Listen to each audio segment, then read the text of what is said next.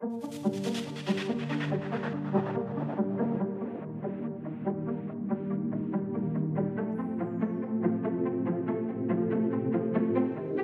välkommen till Professorpodden. Här presenterar Högskolan Väst sina nyaste professorer och forskningen som de driver. Jag heter Ulf Axelsson och alldeles strax får du höra huvudpersonen i det här avsnittet, Sandra Pennbrandt.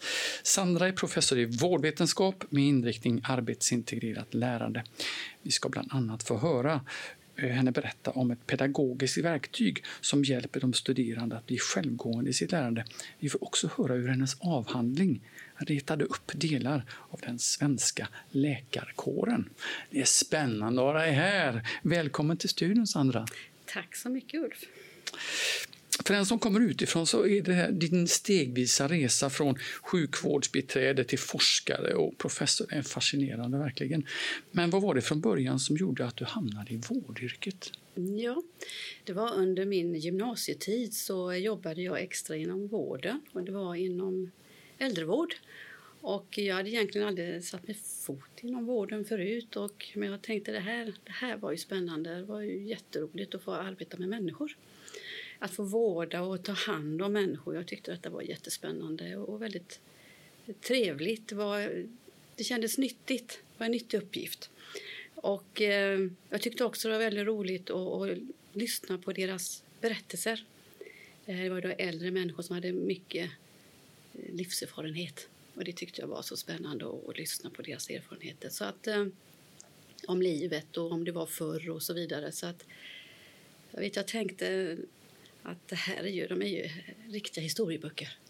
Det är ju fantastiskt så mycket kunskap och erfarenheter de bär med sig. Så att, ja, det sådde ett frö där. Jag tyckte detta var roligt. Men då var du biträde i början? Ja, jag hade precis sjukvårdsbiträde. Man arbetade extra så. Var det precis efter gymnasiet? Då, ja, det, det, här var ju under gymnasietiden då. Och eh, sedan efter gymnasiet så började jag arbeta vid eh, Vasa sjukhus i Göteborg. Och det är också inom eh, vård av äldre. Eh, och då var det sjukvårdsbiträde och där arbetade man ju som det hette då i poolen. Man fick hoppa runt på avdelningar.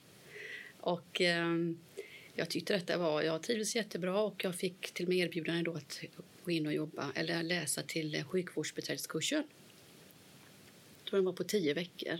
Jag tänkte ja men det här vill jag ju. Och det var ju ämnen som jag aldrig hade läst förut för jag gick ju samhällsvetenskaplig linje på gymnasiet så det här med människokroppen och lite sjukdomslärare. Vi läste ju inte så där jättedjupt, men, men, lite grann och det tyckte jag var, det här var jätteroligt.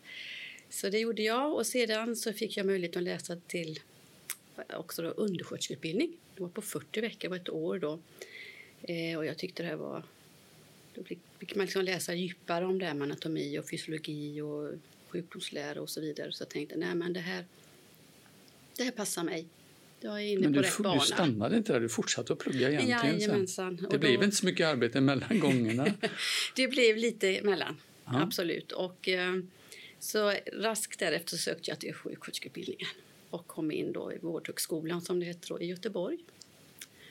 Läste till sjuksköterska och därefter så gick jag tillbaka till Vasa sjukhus och trivdes väldigt gott där. Eh, det var väldigt spännande att arbeta med äldre människor och eh, det är lite lätt detektivarbete eh, när de kommer in och är, väldigt sköra och, och mår dåligt. Och man får liksom ta reda på vad kan det vara för fel och så. Och man kan åtgärda och man ser vilka, vad fantastiskt det kan bli. Det kan bli en helt annan människa som, som har legat där och varit både ja, kanske undernärd och lite lätt förvirrad och blir en, en pigg och söt, rosig liten dam. Det, det är fantastiskt. Men det var inte bara så att du jobbade med, med sjukvård, du fick ju andra uppgifter. Du började med utbildning också ganska tidigt. Där. Vad, vad ja, jag tyckte det här med omvårdnadsdokumentation var väldigt eh, roligt och det är också en del av sjuksköterskans arbetsuppgift att dokumentera. Eh, och, eh, jag gjorde detta bra. Jag fick beröm för det och vi hade då en vårdutvecklare, Ulla Klingan vid Vasa sjukhus och det var vid tiden när man skulle datorisera alla omvårdnadsjournaler och patientjournaler. Det var ju i pappersform innan då. Så, så jag blev erbjuden att arbeta med henne. Att då helt enkelt göra om de här omvårdnadsjournaler och, och så vidare då i, i, via dator. Jobba med det. Och då mm, var det så att jag skulle undervisa sjuksköterskor och läkare i det här med datoriseringen och det var väldigt roligt det här med att undervisa var ju helt nytt och jag tyckte det var riktigt roligt att undervisa. Och, uh, Ulla Klinga hon sa till mig att men Sandra, vad tror du om att söka till vårdlärarutbildningen? Det är inte helt fel. Jag hade aldrig tänkt på detta. Lärare, ja, varför inte? Och uh, hon sa det här med pedagogik, det, det har man alltid, alltid nytta av i alla sammanhang. Så jag, jag, ja, jag tycker du ska göra det. Så jag funderade på det och tänkte, ja varför inte? Så jag sökte och kom in på vårdlärarutbildningen då. Gick Pratar vi om Göteborgs universitet nu? Precis, det är pedagogen ute i Mölndal. Ja, ja. ja mm, där fanns ju vårdlärarutbildningen. Och eh, där gick jag, två år var ju den utbildningen och där kan jag väl säga att det var som en helt annan värld öppnade sig, den akademiska världen. Eh, och det tyckte jag var ju fantastiskt spännande. Det här man fick läsa litteratur och söka vetenskapliga artiklar. Man skulle sammanställa och man skulle skriva utifrån forskningsprocessen alla examinationsuppgifter. Och, ja, jag tyckte detta var wow. Och det som verkligen eh, gjorde att jag tyckte att det med forskning var spännande det var ju kandidatuppsatsen. Jag skulle då skriva den och söka litteratur, information, hitta en, en frågeställning, ett syfte med min, min uppsats och, och skriva fram då frågor. Jag gjorde en enkätstudie gjorde jag och skickade iväg den enkäten då. Och, alltså, jag tyckte det var så fascinerande att få tillbaka den ifylld. Alltså, någon hade ändå tyckt att det här var intressant, det här, ja, den här undersökningen och, och börja sammanställa resultatet och få ett, det kom fram ett mönster. Det här tyckte jag var så roligt. Det är väldigt kreativt att skriva, tänker jag, alltså det här med forskning och man får börja skriva inledning och bakgrund, man sammanställer, man bygger upp någonting, man ser att det börjar byggas upp något. Och jag tycker det är jättespännande. Var det samma sak med din avhandling då, att det var eh, samma tänk i den, eller hur var det med det? Ja, det var ett helt annat område kan jag väl för sig säga. Men, men visst, det är ju samma eh, sätt, men det är ju då, eh, det är en djupare dimension när man skriver en avhandling. Men upplägget är ju ungefär, det är ju detsamma med forskare, alltså just forskningsprocessen. Men vad var det som hände med avhandlingen? Du, jag vet inte vad den innehöll, men vad, du, du retade tydligen upp en massa läkare i Sverige. Hur lyckas man med det? Ja, hur lyckas man med detta? En sjuksköterska, typ. Det är ett konststycke. Ja, ja. Eh, syftet med min avhandling var ju att eh, titta på eh, erfarenheter. Och det var det äldre patienter, närståendes och läkares erfarenheter. Och det handlade om mötet, informationen, kommunikationen och Eh, bemötandet vid utskrivning. Så det var ju då patienter som var inskrivna i, på, i sjukhusvård och skulle skrivas ut till hemmet helt enkelt. Och hur de upplevde informationen ifrån läkarna. Så det var det som var syftet med avhandlingen. Och eh, ja, mitt resultat visade ju sig att det, det var Alltså när jag började sammanställa mitt resultat så började jag ju inse att här kommer bli kritik. För det var väldigt mycket kritik ifrån eh, patienterna och närstående.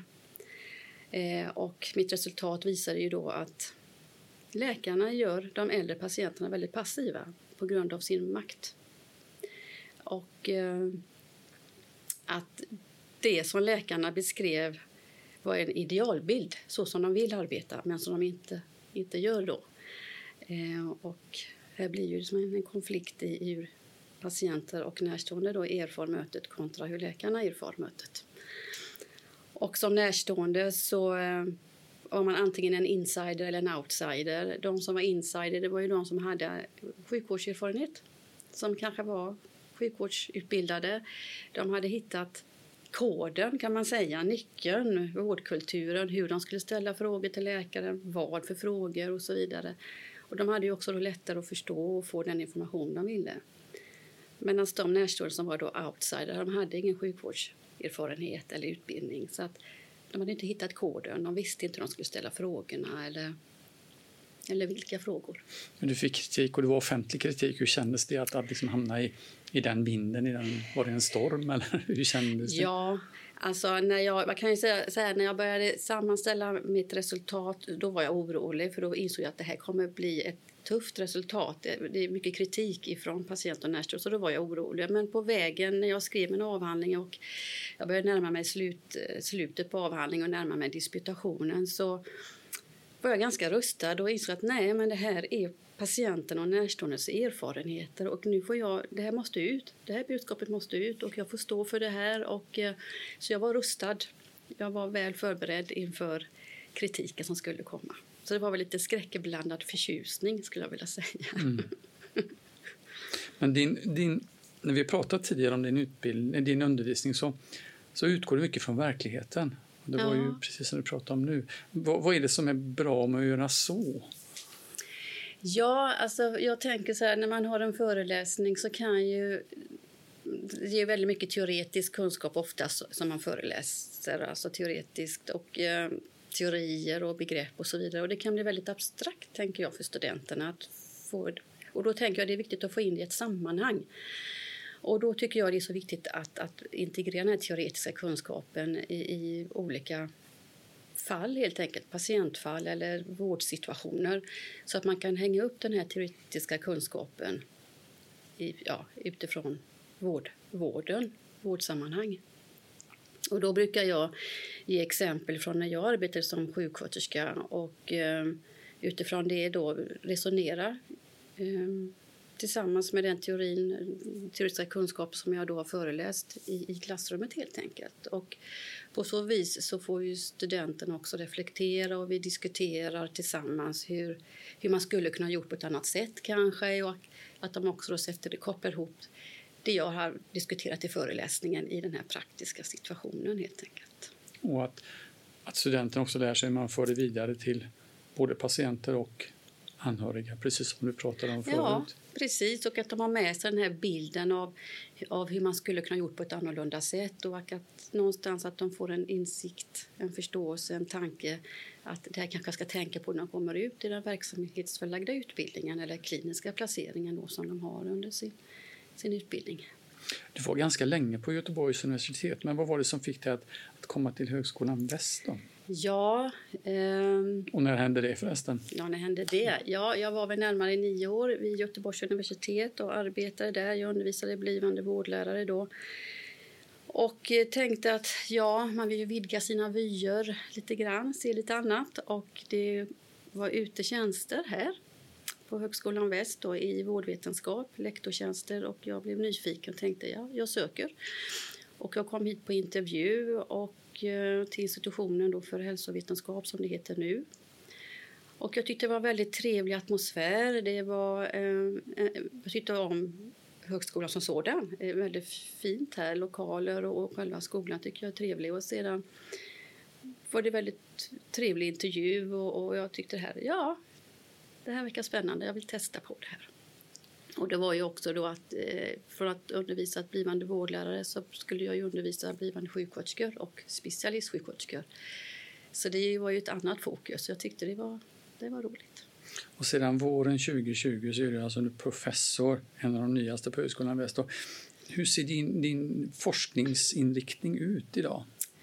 Ja, jag har, det är ju lärande kan man väl säga och hållbart arbetsliv bland annat. Det är väl de två inriktningarna. Och eh, den inriktning som handlar om hållbart arbetsliv det är ju då ett hållbart arbetsliv för sjuksköterskor. Vi eh, läser ju nästan dagligdags om eh, stressig arbetsmiljö som sjuksköterskorna har när de har hög arbetsbelastning och så. Eh, och eh, att det är många som slutar och byter arbetsplatser. Och intresset har varit att trots detta så finns det ju ändå många sjuksköterskor som arbetar kvar. De arbetar både 5, 10, 15, 20 och 25 år. Och varför gör de det? Alltså vända på det. Vad är det, vad är det, det positiva? Vad är framgångsfaktorerna? Varför stannar man kvar? Så det är det som har varit intressant att ta reda på. Är, varför stannar man kvar på sin arbetsplats? Eh, och där har ju resultat visat eh, från våra studier, då, den forskargruppen som jag ingår i, att man ser sitt yrke som, och sitt arbete som väldigt meningsfullt som sjuksköterska. Det man gör är meningsfullt och det här patientnära arbetet är så fantastiskt och så givande. Man ser att man får så mycket tillbaka från patienterna. Då. Eh, och det som också framkom från våra studier det är att det här kollegiala stödet, att man inte är ensam, att man kan hantera sin arbetssituation, man hjälps åt. Eh, har man då svårt för några arbetsuppgifter så finns det alltid några kollegor som stöttar och man, man hjälps åt. Hur forskar du kring detta då? Hur, hur ser det ut? Ja, vi har gjort intervjustudier bland annat eh, med detta. Eh, intervjuat sjuksköterskor om deras upplevelser då, eh, och erfarenheter av sin arbetssituation helt enkelt. När det gäller hur de tycker att det är meningsfullt och hanterbart arbetssituation. Och hur används det materialet sen då, vidare? Ja, vi tänker ju gå vidare och göra ytterligare studier med det här materialet och det resultatet som vi har fått nu då. Men eh, på grund av pandemin så har vi inte riktigt eh, kommit vidare ännu utan vi sitter fortfarande nu och planerar hur vi ska arbeta och eh, eh ytterligare då göra större eh, nationella studier, hade vi tänkt. En, en, en, en sjuksköterska blir väl aldrig fullärd kan jag tänka mig, utan man, man lär sig hela tiden. Hur ser lärandet ut idag? Och hur, hur jobbar ni med, med att utveckla det vidare? Har en portfölj med portfolio. Ja, precis. Ja, men absolut. Vi blir ju aldrig, så kan man väl se att det finns ett livslångt lärande, så kan man ju tänka. Och eh, ja, vi jobbar ju också, eh, min kollega och jag, eh, Håkan Unstedt, med portfoliometoden. Och det, den metoden har ju vi här på Högskolan Väst på sjuksköterskeprogrammet då bland annat. Den får du nog förklara. För det. Mm, ja, portfoliometoden det är en, en systematik.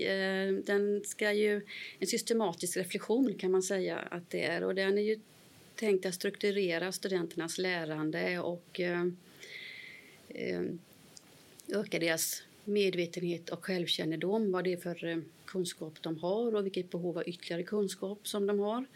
Eh, också deras sätt att lära sig på. Det är liksom, eh, vad är det som jag lär mig bäst, på vilket sätt och hur jag då tar reda på ytterligare kunskap. Så det blir ju ett väldigt personligt sätt Eh, hur jag söker vidare min kunskap. Och det gör ju också att jag måste ta ansvar för mitt lärande. Eh, och det handlar väldigt mycket om eh, reflektion och det handlar om att man då tre delar kan man säga av reflektion. Och eh, portfoliometoden kan man använda i alla kurser men framförallt så är den, ju, är den ju väldigt användbar när det gäller kurser där man har verksamhetsförlagd utbildning, att man är ute på klinik. Och då brukar det vara så att man har först en förreflektion. Och då reflekterar man innan man ska gå ut på sin, sin verksamhetsförlagda utbildning. Alltså vilka förväntningar har jag på den här placeringen och vilka kunskaper har jag eh, inom det här området. Och det viktiga här det är ju då att, man, eh, att studenterna skriver ner sina reflektioner. Att inte bara tänka på dem utan skriva ner. Och det är en väldigt viktig del i lärandeprocessen. Att skriva ner sina tankar, sina reflektioner. Och sen när studenterna kommer ut på sin placering så ska de kontinuerligt reflektera och även där då skriva ner. Så det blir som dagboksanteckningar kan man säga. Att, dagligen skriva ner hur har det gått och vad jag har lärt mig idag kanske, vad är det mer för kunskap jag behöver, att man ställer sådana frågor. Och sen då efter sin placering, den kliniska placeringen så gör man en summerande reflektion. Alltså hur har det gått här? Och då kan studenten också gå tillbaka och läsa sina förreflektioner och sina kontinuerliga reflektioner och så skriver de också ner då en sammanställning hur de upplevde placeringen, vilken kunskap de har erhållit och vilken kunskap de behöver utveckla mer. Är det det du menar med självgående? Att de, ja. att de, att de lär sig själva och ja. helt utifrån egna, egna förutsättningar och egna behov? Som de... Precis, och sedan har de ju också lärandemål som de ska uppnå i den här kursen. De har ju också arbetsuppgifter som också då, eh, byggs på. Men, men det är ju ändå det här att tänka till och reflektera som är så viktigt och att det blir ju individuellt det här lärandet. Så det, man har ett eget ansvar där och eh, det är ju det som är så spännande att man fortsätter det här sättet att tänka även när man då går in i sitt ja, framkommit sitt, sitt yrke som sjuksköterska. När tror du att, att det här sättet att jobba, portfoliometoden, när kan den flyttas över och användas även av sjuksköterskor mm. i arbetet när de redan har ett arbete? Hur långt bort ligger det? Ja, men alltså det är ju nästa steg i vår forskning. Då. Vi skulle gärna vilja testa den här portfoliometoden på, på implementera den hos sjuksköterskor när de arbetar helt enkelt för att då att de ska ja, hjälpa dem i deras arbete att strukturera, att se sina styrkor. För det handlar också mycket om det att man är stressad, man hinner inte alltid tänka till att man gör faktiskt ett jättebra arbete. Den här eh, metoden gör att du får sätta dig ner och tänka och reflektera på att ja, jag gör faktiskt mycket bra. Där kanske man inte behöver tänka i de faserna för reflektion och under reflektion men att man kanske gör en efterreflektion under dag, innan dagen är slut.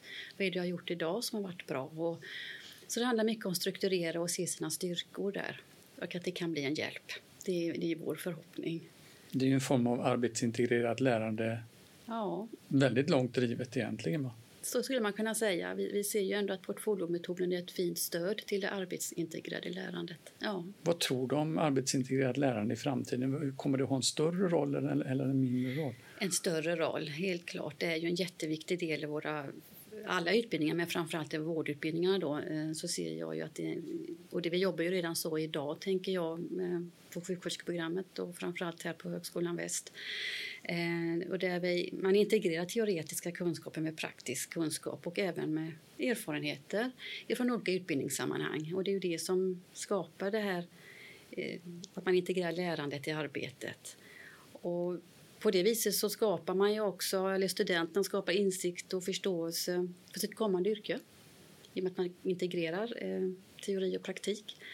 Och det gör vi ju bland annat genom den verksamhetsförlagda utbildningen där studenterna har den möjligheten att se sitt kommande yrke, vad som gäller och se den eh, komplexiteten och, och kunna sätta ihop teori och praktik. Och vi har ju också kliniskt lärandecenter här på högskolan, då också på vår institution institutionen för hälsovetenskap där de får träna och öva och pröva studenterna inför det kliniska arbetet. Du har en massa spännande uppgifter framför dig. Ja. ja. Stort tack för att du kom hit Sandra. Det var jättesnällt. Tack snälla. Tack också till Mikael Wåleman som har suttit och skött tekniken och, och, tack särskilt till dig som har lyssnat. Vill du höra på fler professorer så kan du återvända till Professorpodden. Ha det bra. Hej då!